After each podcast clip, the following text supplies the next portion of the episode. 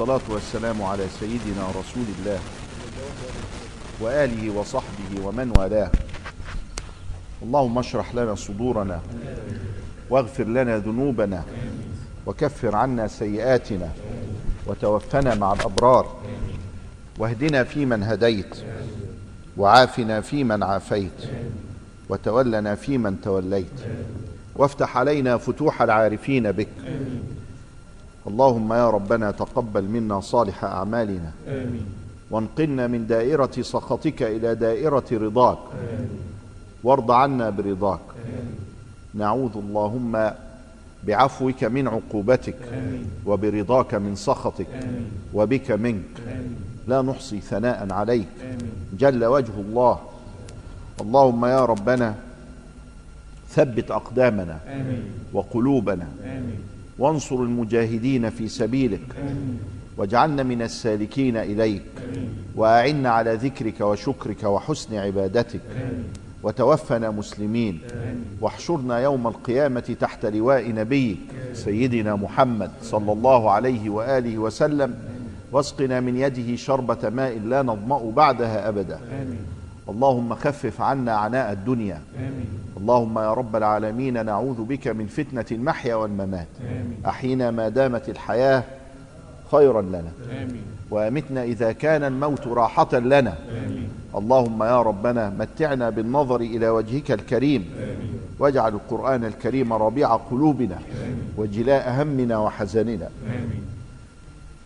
قال رضي الله تعالى عنه ونفعنا الله بعلومه في الدارين آمين.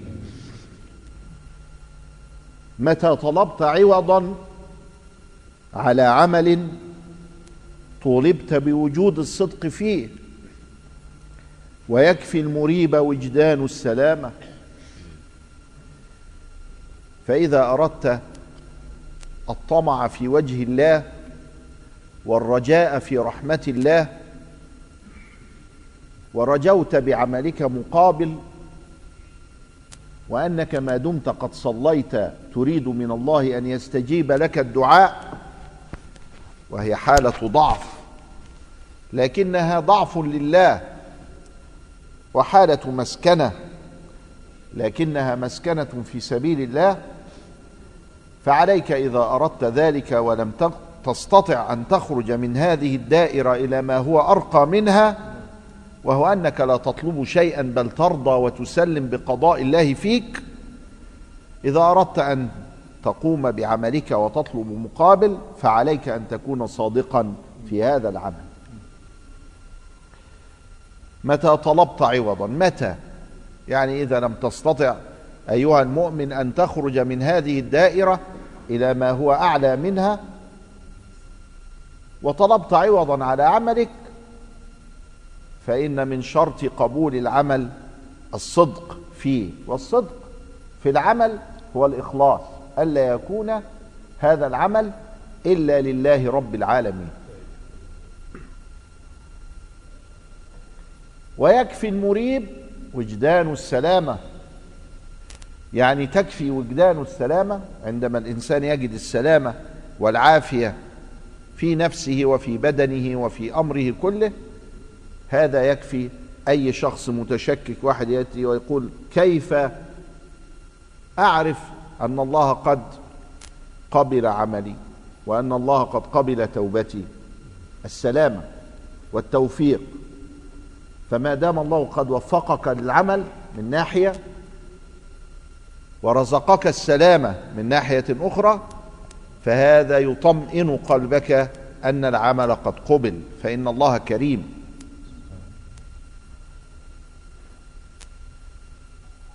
ثم يقول لا تطلب عوضا على عمل لست له فاعلا. يكفي من الجزاء لك على العمل أن كان له قابلا. دي الدايرة اللي أعلى. إنك تصلي تصلي لوجه الله ولا تطلب حاجة ولا تقول حاجة. وإذا دعوت إنما تقيم نفسك في عبودية الله ذلا وخضوعا له سبحانه وتعالى. واظهارا لحالك معه أنك عبد تطلب وتدعو وتسأل إثباتا لربوبيته وإثباتا لعبوديتك. لا من أجل أن تحصل الدعاء وأن تنتظره وأن تتبرم إذا ما تأخر فكل هذا من الحالة الرضية المنحطة. لكن الحالة العالية أنك إذا ما أردت أن تدعو الله فادعو ولكن لا تنتظر الإجابة بل ادعو إثباتا لعبوديتك من ناحية ولربوبيته وألوهيته وعظمته سبحانه وتعالى فهو الذي يستحق منا أن نسأله. وقال ربكم ادعوني أستجب لكم. إن الذين يستكبرون عن عبادتي سيدخلون جهنم داخرين. اذا فسمى الدعاء عبادة وكان أبو هريرة رضي الله تعالى عنه إذا روى الحديث عن رسول الله صلى الله عليه وآله وسلم وهو يقول الدعاء هو العبادة. يقول في إثرها وتصديق ذلك من كتاب ربنا ويتلو الآية. يعني كأنه يستدل بهذه الآية على أن الله سبحانه وتعالى قد اعتبر وجعل الدعاء عبادة. لا تطلب عوضا على عمل لست له فاعل. أمال مين اللي صلى؟ ده ربنا اللي أجرى الصلاة عليك. إحنا نضحك على بعض. وأنت عملت حاجة يا مسكين؟ صليت. وتجحش كده. ما هو الجحش الحمار الصغير. ما هو قال له الحمد لله الذي خلقني جحشا ولم يخلقني إيه؟ حمار. يعني لسه ما كبرش وبقى حمار. بس برضه الجحش مش فاهم. لا الجحش فاهم ولا الحمار فاهم وانت بني آدم لا, لا انت جحش ولا انت حمار. فبتتشبه ليه؟ بالحيوان. أيوه اللهم علمنا. أهو كده. ما تتشبهش بهذا لأنه الجحش والحيوان ده هو يعني خلقه الله هكذا. له أوضاعه له وظائفه. غيرك أنت. أنت خلقك الله ووهب لك الإيه؟ العقل. فما تنحطش بيه. هو أنت اللي صليت؟ ما مين اللي صلى؟ ما أنا اللي صليت أهو. وتجحش كده. يقول لك ده بيجع لما تتكلم من غير وعي قوم يقول لك إيه؟ ده بيجحش. ليه؟ تشبها لينا بالحيوان والعياذ بالله. وإحنا مش كده. فيبقى لا بد علينا أن نرجع إلى أنفسنا في هذا ونقول لا. الفاعل الحقيقي هو الله. من الذي وفقك للصلاة؟ يبقى أنت بتعمل إيه؟ انت بتمن على الله بما اجراه عليك. ده انت تقول الحمد لله انك وفقتني للصلاة وخلقت الصلاة والطاعة. ما هو الهداية هي إيه؟ خلق الطاعة أو خلق قدرة الطاعة. يبقى هو دي التوفيق والهداية ان ربنا يخلق فيك الطاعة. والخذلان ما هو ضد الهداية والتوفيق. والإضلال هو خلق قدرة المعصية أو خلق المعصية في العبد.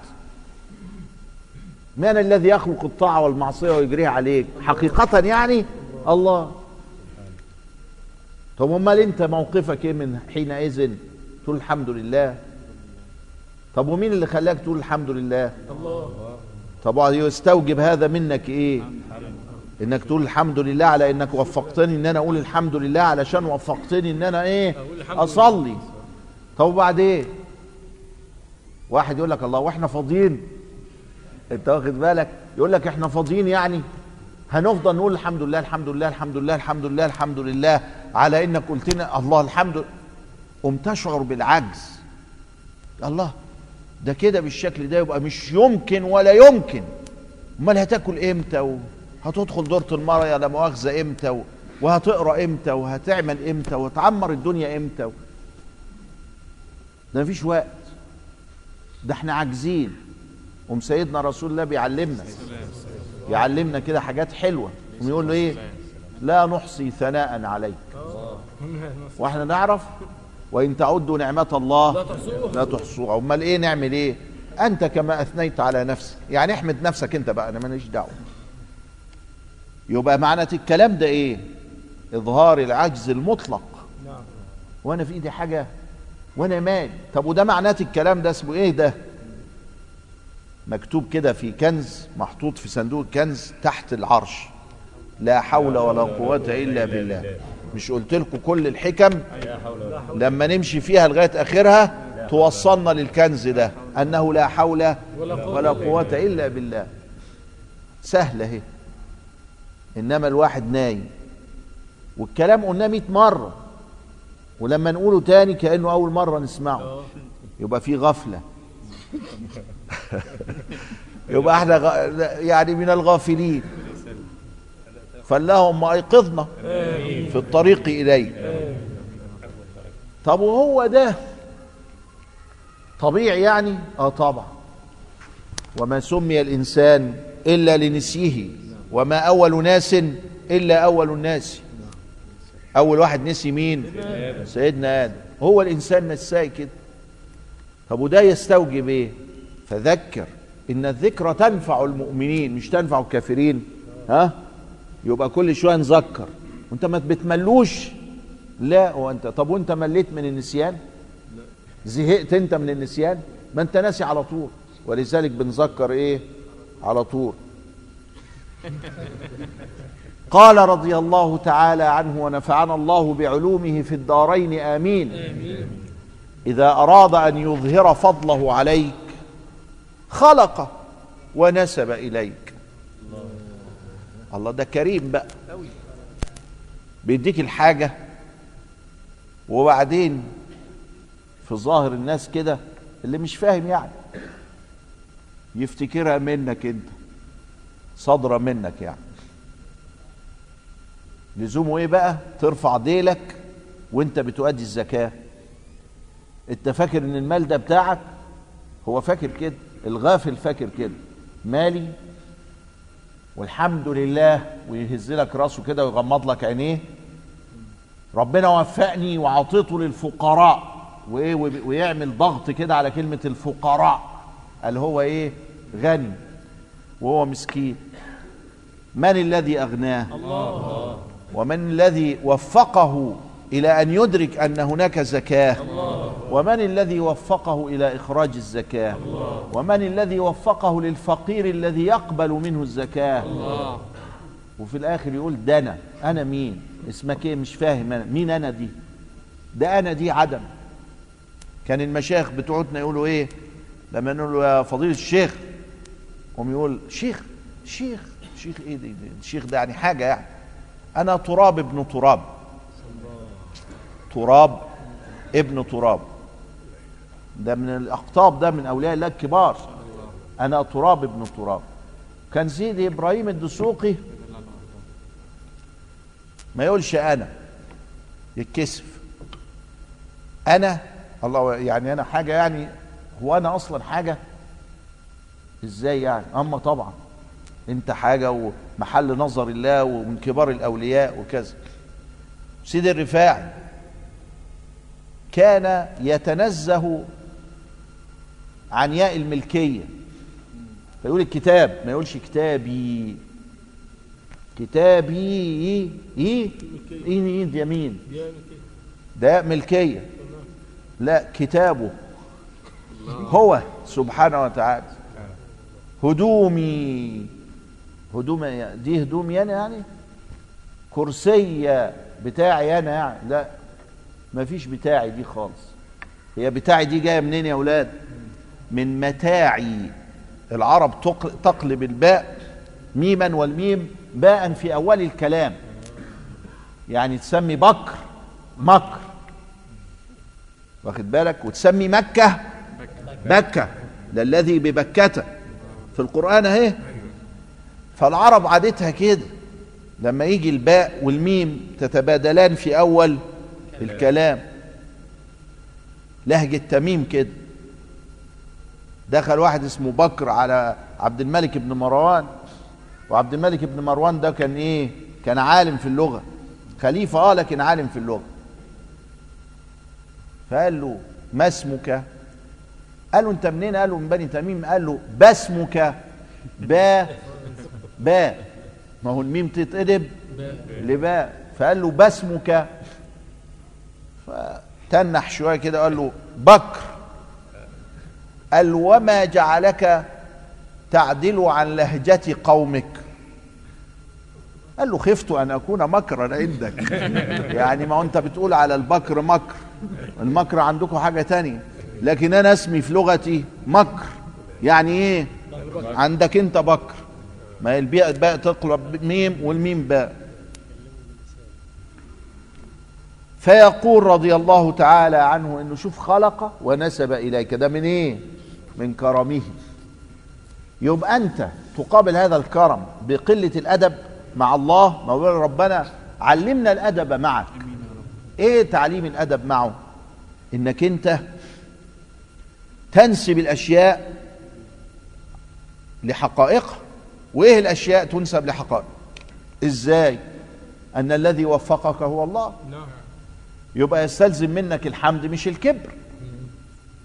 والكبرياء ردائي.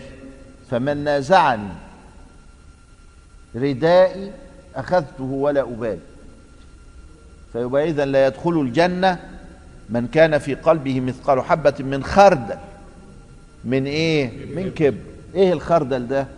ستة آلاف حباية تساوي جرام. ستة آلاف حباية تساوي جرام. يبقى هبابة يعني. يعني مفيش خالص. طب واللي في قلبه بقى جبال الكبر. يبقى يا رب سلم سلم. والكبر ده نقضي عليه إزاي؟ نقول كده مش هنتكبر؟ لا. ده عايز معاناة ومقاومة ومراقبة للنفس. وتسقط فيه مرة تانية وت- وتقوم مرة تانية وما تزهقش من نفسك. وتفضل مع نفسك مراقبها كده لغاية يوم القيامة. عسى إن أنت تخرج ما في قلبك من كبر. يبقى لما واحد يجي وتكسر بخاطره يبقى أنت إيه؟ فيك حتة كده. حتة يعني لقموطه كبيرة كده يعني صخراية قد 900 جرام. والخردلة قد إيه؟ واحد على 6000 من الجرام. لما تيجي كده وتقول له انت ما انتش عارف أنا مين؟ بس كفاية دي. كفاية دي. إلا إذا كنت تقصد انت ما انتش عارف أنا مين. ده أنا تراب ابن تراب. ها؟ فهو ممكن واحد يقولها وهو بيضحك. انت مش عارف أنا مين. ده بقى تقولها للي يتخاف منك. الله يا ابني انت مش عارف أنا مين. أنا من عبد زيك. أنا واحد يعني ما قضاء الله ولطفه. أسرع إلينا منا. ولو تركنا لأنفسنا طرفة عين لهلكنا. لا نهاية لمذامك. إن أرجعك إليك. عارف لو سبك لروحك هتكره روحك. هيجي لك اكتئاب نفسي. لو سبك لنفسك الذنوب والمذم بتاعتك وال- والبلاوي بتاعتك هتكبر. يجي لك اكتئاب نفسي على طول. إحنا مش عايزين يجي لك اكتئاب نفسي. إحنا عايزينك تنسى برضو حتى الذنوب. تنساها عشان تبدأ صفحة جديدة مع الله. جددوا إيمانكم. قالوا كيف يا رسول الله؟ قال اكثروا من قول لا إله إلا الله. كل شوية كده أهو. جددوا إيمانكم. ولا تفرغ مدائحك إن أظهر جوده عليك. وألقيت عليك محبة مني ولتصنع على عيني فكان فرعون ينظر إلى موسى فيحب. بص له كده؟ عنده في الكتب وفي التنجيم وفي السحر وفي الجداول بتاعتهم إنه ده هيقتله. فرعون ده مصيبة. يبص لموسى كده بيحب. مش قادر. يقول له يا واد اختشي يا واد مش كده. يا واد هو ده فيها يا واد؟ ده انت قتلت مئات علشان تصيد ده. قوم هو بقى وانت عارفه وعارف انه اجلك على ايديه. ما انتش قادر. واعلموا أن الله يحول بين المرء وقلبه. ولا تفرغ مدائحك إن أظهر جوده عليك. فإذا أظهر جوده عليك أحبك الناس. وده في الحديث بتاع جبريل. نعم. إن الله إذا أحب عبدا نادى في الملأ الأعلى. الملأ يعني إيه؟ النخبة. الصفوة من الملائكة. مش كل الملائكة يعني. ده الكبار. إني أحب فلانا منهم ده مين؟ كلام مين ده؟ كلام رب العالمين. خلاص؟ انتهى الأمر. كل واحد يحب يشتمك ام ربنا يحول الشتيمة إلى مديح فيه. يا سلام. ده مش راضي ينفق. يا سلام راجل صالح ده حريص اذا على مال المسلمين. انت واخد بالك؟ ده مش راضي يدينا. ال- التاني يقول إيه؟ لو كان ربنا مش راضي شوف شوف الراجل البخيل من أول ما جه وهي المعايش ضاقت إنما ديكهت هي نفس الوصف ومش راضي ينفق. ضدها يقول إيه؟ يا سلام حريص على أموال المسلمين إحنا عايزين من ده كتير.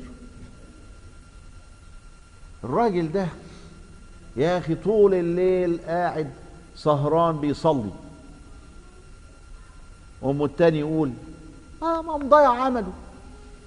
قاعد لي يصلي ويركع ويسجد والله أعلم مقبولة ولا مش مقبولة. والتاني يقول له آه ده راجل صالح ده وشه منور. من طال قيامه بالليل ها؟ حسن وجهه بالنهار. كلمة واحدة وتلاقي الناس ممكن تحولها كده ممكن تحولها كده. مين اللي بيحول بقى؟ الله, الله. حسب إيه؟ حسب إظهار جوده عليك. إذا أظهر جوده عليك ولا يهمك. امشي في حالك أنت وسيبها. خليهم يخبطوا ويقولوا كل ما يقولوا حاجة كل ما تيجي لصالحك. كل ما يقولوا حاجة هو وهو بيقولها كان عايز يشتمك. ام سبحان الله تتحول الشتيمة إلى مديح. ده من عند مين ده؟ ده من عند الله. ما حدش يقدر يعملها أبدا. ولا صحافة ولا إعلام ولا حد. كن بأوصاف ربوبيته متعلقة. اوعى تعلق قلبك بالدنيا. علقها بالله فقط. وبأوصاف عبوديتك متحققة. وما تنساش إنك العبد بتاعه أما لو عكسنا وتعلق قلبنا بالدنيا أنا أغنى الأغنياء عن الشرك. القلب بيت الرب. نعم. يجي الله يسكن فيه يلاقي حد معاه شريك ما يحبش هو الشركة شركة ما يحبهاش. سبحانه. فإذا شاركنا معه شيئا في قلوبنا تركنا وشركنا. شركنا اللي هو الإيه؟ اللي قاعد في البيت ده جوه مستربع اللي هي الدنيا. قال لك خليها خليها معاك خليها تنفعك. شوف هتوديك فين؟ الحيرة والقلق. والتكالب والجري إلى ما لا نهاية. اجري يا ابن آدم جري الجحوش. ما الجحوش؟ مش الوحوش لا. الجحوش. ما هوش فاهم. ما هو قاعد يجري يبرطع هنا وهنا. غير رزقك يا ابن آدم ما تحوش. واخد بالك؟ فكن بأوصاف ربوبيته متعلقة وبأوصاف عبوديتك متحققة. تنجو. قال رضي الله تعالى عنه منعك أن تدعي ما ليس لك مما للمخلوقين. أفيبيح لك أن تدعي وصفه وهو رب العالمين؟ لا إله إلا الله. تقول أنا مش عطيتك أنا مش ما أنا منعتك. أنت عطيت أنت المعطي أنت المانع. إذا كان هو مش عايزك تقول أنا المصلي. وأنا المزكي لأن المصلي والمزكي بالتوفيق والخلق هو الله, الله وإنما أجرى هذا الفعل عليك منة منه وفضلا. قوم أنت تدخل نفسك في صفات رب العالمين. قول له أنا المرة دي رحمتك. أنت اللي رحمت أنا ها أنا بقول لك أهو هفرمك. يعني أنت الفارم؟ ما هوش معقول الكلام. كلام غير معقول. فقالوا لا. اختشي ما تقولش كده. فلازم نراقب أنفسنا لأن إحنا بنقول كلام كتير من ده. ولكن في غفلة من المعاني يعني إحنا ما نقصدش يعني بس برضو الدرجة منحطة لأن إحنا مش واخدين بالنا. فلازم ناخد بالنا ام تترقى قلوبنا وتخرج الدنيا شيئا فشيئا منها والقلب لا يكون فارغا ابدا. فإذا خرجت الدنيا حلت أنوار الله. كيف تخرق لك العوائد في ناس تعبد علشان يعني يطير في الهواء وهو نزل على السلم من بيتهم لبيت أمه تحت يطير. عايز يشوف يطير إزاي. كيف تخرق لك العوائد؟ وأنت لم تخرق من نفسك العوائد. طب بطل تاكل خلينا نخلص منك. تقدر؟ طب بطل تنام. ما تخنفرليش بقى ويضيع عليك الدرس بتاع الصبح بتاع الساعة سبعة. انت قاعد تخنفر وتقول لي الله يعني لسه ما طرتش. هتطير فين؟ لما انت أصلا نايم في الخط وقاعد تاكل وتشرب. اخرق العوائد بقى وما تاكلش وما تشربش وما تنامش وما تلبس وما ما ما ما ما, طبعا هتموت. كده نتخلص منك. الحمد لله. خلاص مش موجود أصلا. يبقى اذا شوف ربنا أحوجنا. لازم ناكل لازم نج... لازم ننام علشان يحرر قلوبنا من التعلق بخرق العوائد. تمام أنت عايز تبقى ولي يعني؟ ولي لما تعرف ربنا بصفاته مش ولي لما تطلع عليك المخارق للعوائد. ما طلب لك شيء مثل الاضطرار؟ إليه سبحانه وتعالى. قال أنا فقير لله. فقير لله يعني مفتقر لله مضطر ليه نعم. حاضر. قال ما الشأن؟ وجود الطلب. ما هنا بمعنى ليس. الماء المشبهة بإيه؟ بليس. ما الشأن؟ وجود الطلب. يعني ليس الشأن. الحاجة المحترمة الحلوة. الشأن يعني إيه؟ الحاجة المحترمة الحلوة. الشأن الوضع يعني. ليس الشأن وجود الطلب. إنما الشأن أن ترزق حسن الأدب. الشأن أنك تبقى مؤدب مع الله. والأدب مع الله أن تكون عندما أرادك. يعني زمانا ومكانا فيما أرادك. تقوم فيما أرادك. يا رب ارزقني مليون دولار بس باليورو. مليون دولار باليورو. يعني إيه الكلام اللي أنت بتقوله؟ سوء أدب في الطلب. فليس الشأن وجود طلب إنما الشأن حسن الأدب. والنهاردة وتحت المخدة. الله. ما كان لك أن تختبر الله هو يختبرك ويمتحنك وتسقط تنجح رب العالمين بيربيك. لكن لا ينبغي لك أن تفعل هذا هذا من سوء الأدب. افتقر إليه واضطر إليه. ما طلب لك شيء مثل الاضطرار.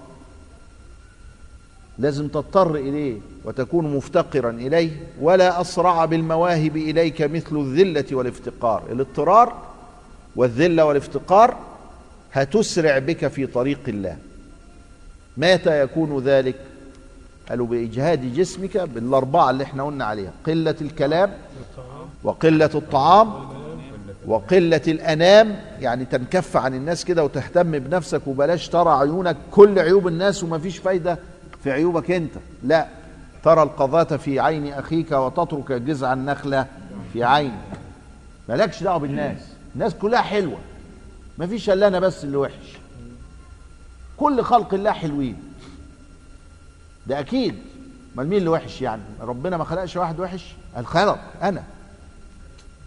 أنا اللي خلقني وحش بس. أهو ساعتها من غير الالتفات لهذا المعنى. يعني مش تقول كده وانت بتدعي التواضع. لا انت بتقول كده من قلبك من جوه انك حاسس إن كل الناس دي أحسن منك. طب وهتعمل إيه مع الناس اللي أحسن منك؟ تعرف تتخانق معاهم؟ ما أنت تخاف.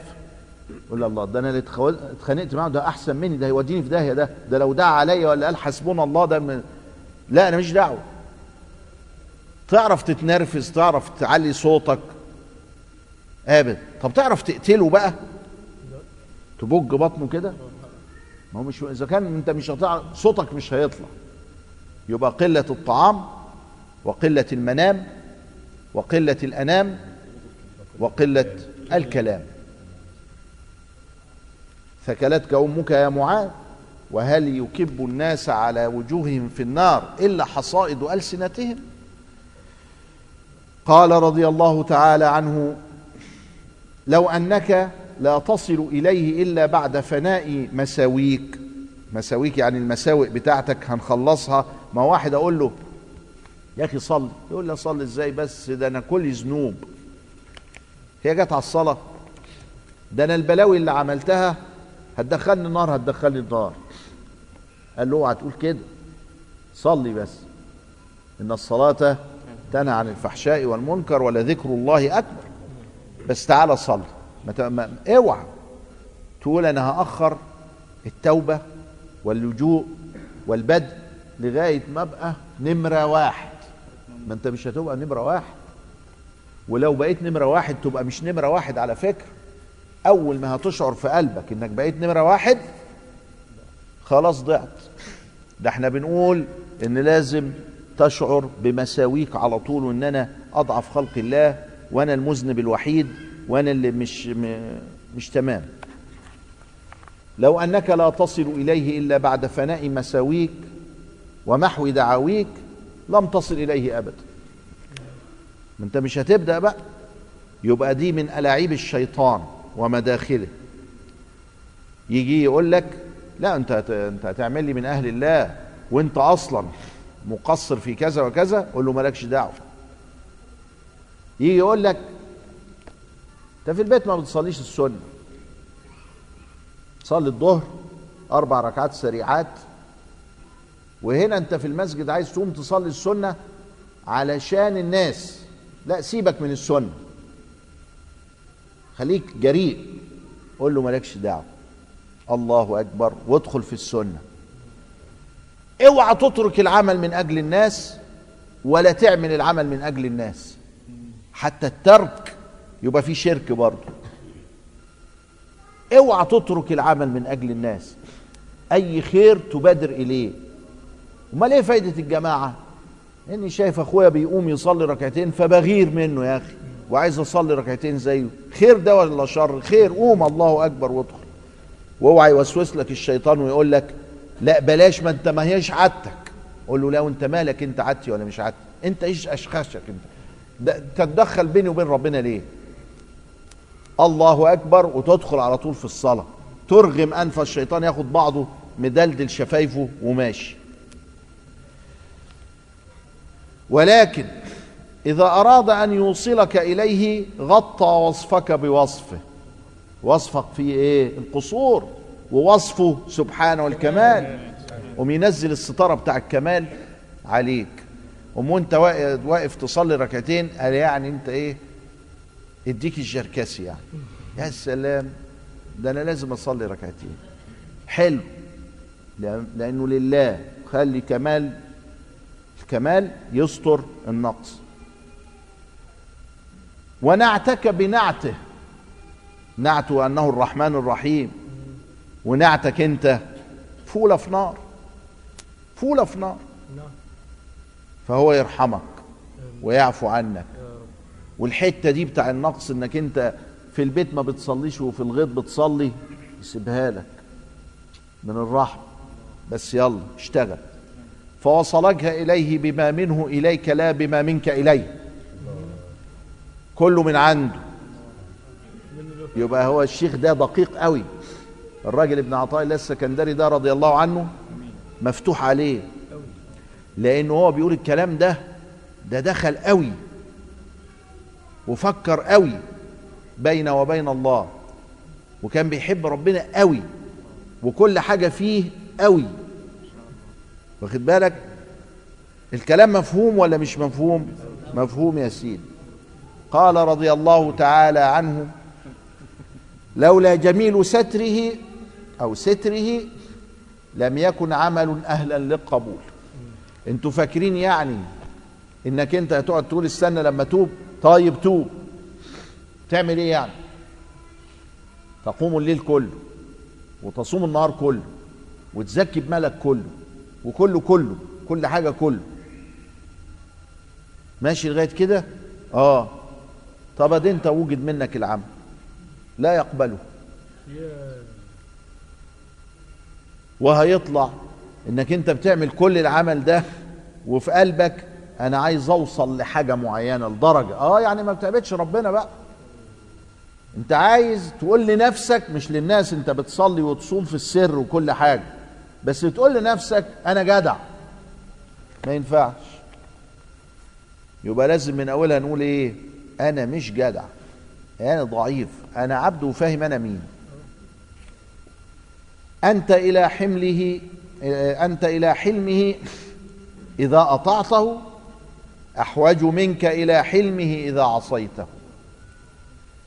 يبقى وأنت بتطيع ما تتكبرش بالطاعة.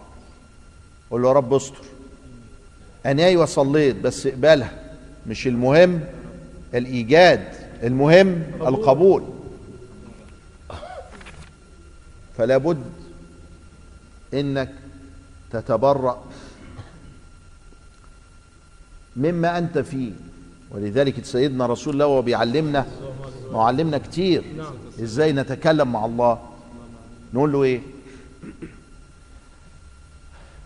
يقول له زي حتة لا أحصي ثناء عليك أنت كما أثنيت على نفسك يعني بيظهر العجز التام.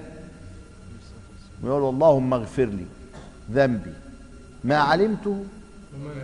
وما لم أعلم وما أنت به أعلم. الله الله الله. يعني قرأ قال له الله وأنا مش عرفني أنا بعمل إيه؟ مش عرفك بتعمل إيه؟ ده أنت سيد الخلق. أما علشان يعلمنا إحنا. ما هو تركنا على المحجة البيضاء. على المحجة البيضاء. ليلها كنهارها لا يزيغ عنها إلا هالك قال رضي الله تعالى عنه ونفعنا الله بعلومه في الدارين آمين. الستر على قسمين ستر عن المعصية. وستر فيها في المعصية. فالعامة يطلبون من الله تعالى الستر فيها خشية سقوط مرتبتهم عند الخلق. بعد ما يعمل المعصية يقول يا رب استرني.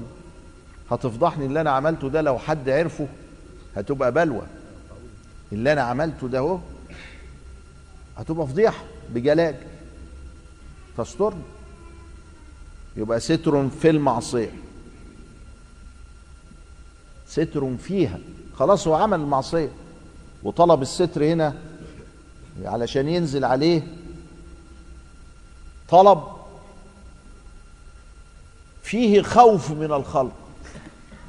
الحقني يا رب. كل الناس دي هتفضح قدامها. طب أودي وشي فين؟ ده أنا كنت أموت. يبقى هو مراعي في قلبه مين؟ الخلق. ومكسوف منه.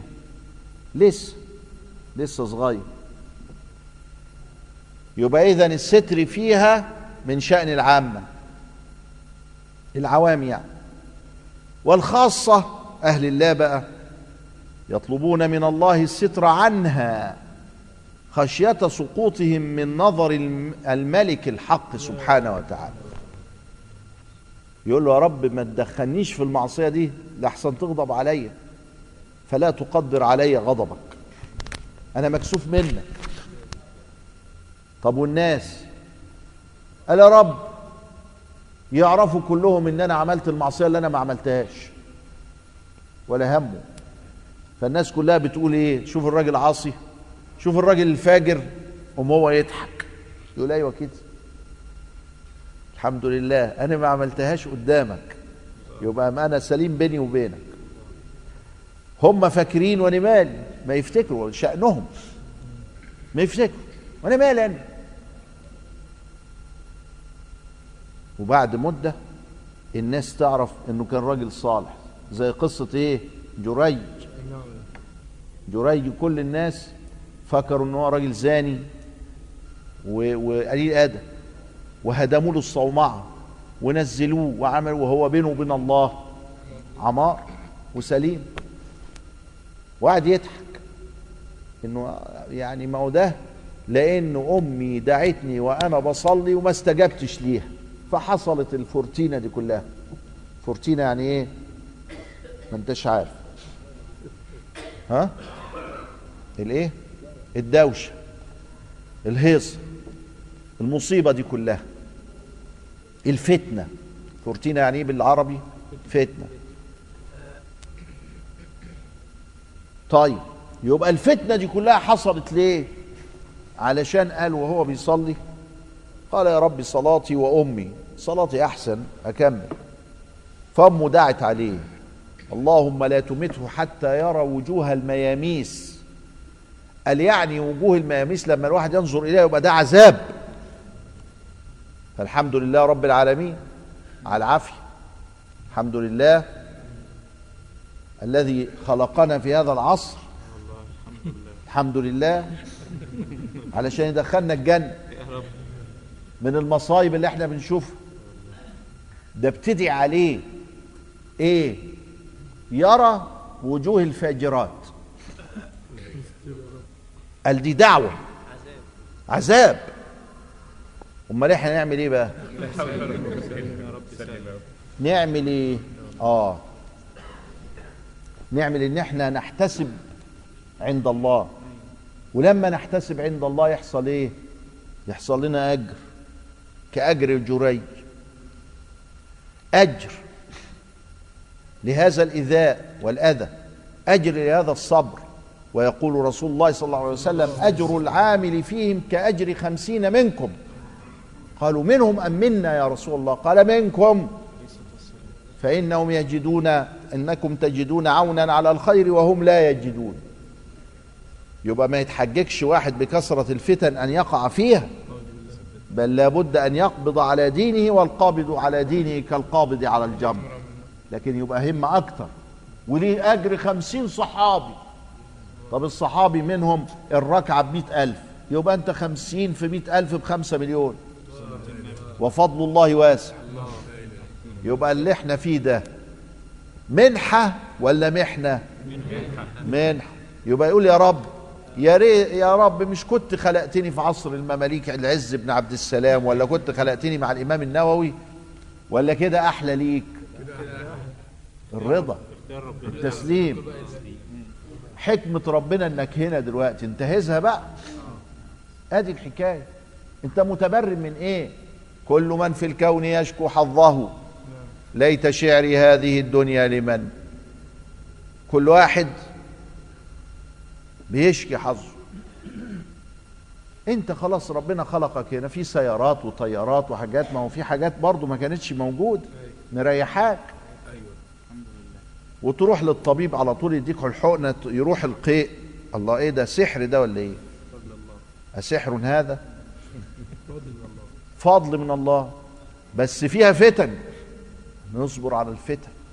والقابض على دينه كالقابض على الجمر. إذا رأيت هوى متبعا وإعجاب كل ذي رأي برأيه وشحا مطاع ودنيا مؤثرة فعليك بخاصة نفسك ودع عنك أمرا عام. أدي السبيل اهو فاعتزل تلك الفرق كلها. ولو أن يأتيك الموت وأنت تعض على جذع نخلة مؤمنا بالله واليوم الآخر. يعني اثبت. اوعى تنحرف كده ولا كده. اثبت. طب وبعدين؟ اثبت لغاية إمتى؟ فصبر جميل. والله المستعان على ما تصفون. ولا يظلم ربك أحدا. فمن يعمل مثقال ذرة خيرا يرى ومن يعمل مثقال ذرة شرا يرى إن الله لا يضيع أجر من أحسن عملا. القرآن كله كده. ما تخافش لا هتتظلم ولا هتتحاسب على ده وده حاجة بقى فضل كبير. يبقى التسليم والرضا اللي هو هيقول بنا الإيه؟ لا حول ولا قوة إلا بالله. ملناش حول إحنا وقوة. يبقى الخاصة يطلبون من الله الستر عنها خشية سقوطهم من نظر الملك الحق سبحانه وتعالى. اللي يهمهم هو مش الناس. فبصبرهم هذا يعلو ذكرهم في الناس ولو بعد حين. فالأول كده تلاقي الناس يعني متضايقة من فلان ومعمول وبعد ما يموت يقول يا سلام. ده كان راجل صالح. ما لما شافوا اللي بعده يعني هادت عليهم الحكاية. لا لا ده ده بقى في مقارنة اهي. ويفهموها بعد ما يروح وزامر الحي. لا يطرب لا يطرب كل واحد ما يروح يمدحوا فيه. وهو عايش يسلخوه. أهل الله وهم بيتسلخوا بيضحكوا. بيقول لك فعل الله فيهم كده. ده عايز يدينا أنا ثواب. وأنا مالي بيهم. أنا بيني وبينك سليم. ماليش دعوة بقى باللي يقولوه. من أكرمك فإنما أكرم فيك جميل ستره. فالحمد لمن سترك. نعم. ليس الحمد لمن أكرمك وشكرك. لما واحد بيجي يكرمك ويعظمك ده لأن الله ألقى في قلبه هذا. فيبقى تحمد مين؟ الله. وفي الحقيقة تحمد الله. ما صحبك إلا من صحبك وهو بعيبك عليم وليس ذلك إلا مولاك الكريم. خير من تصحب من يطلبك لا لشيء يعود منك إليه. هو أنت هتنفع ربنا في حاجة. الله هو النافع الضار.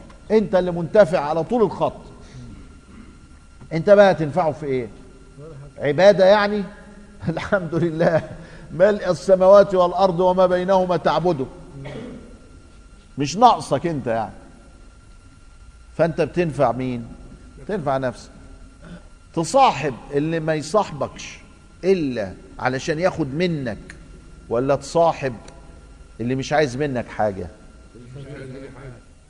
مين ده بقى اللي مش عايز منك حاجة؟ الله, الله. محلوله أهي. يبقى بتصاحب لما تيجي تصاحب تصاحب في الله. ولما تيجي تباغض تباغض في الله. ولما تيجي تخاصم تخاصم في الله. يبقى أي شخص يحاول أن يزحزحك عن طريق الله في ميزان. والله أنا اختار طريق الله. وأنت أنت ما ما أنت بره الحكاية. لأن هو مش عايز مني حاجة. ده أنا اللي ده أنا اللي محتاج إليه في كل شيء. هو قيوم السماوات والأرض. وأنت أيها الطالب تحتاج مني أنا. يبقى أنت غافل عن أمرين. غافل عن أمر الله لأنك لم تحتج إليه في قلبك. وغافل عن ضعفي وعدم استطاعتي إن أنا أعطيك شيء أصلا. فأنت غافل من ناحيتين. أنا أمشي مع الغف المغفلين ليه؟ اذا فإذا أردت أن تصاحب في طريقك فعليك الله. والله تعالى أعلى وأعلم.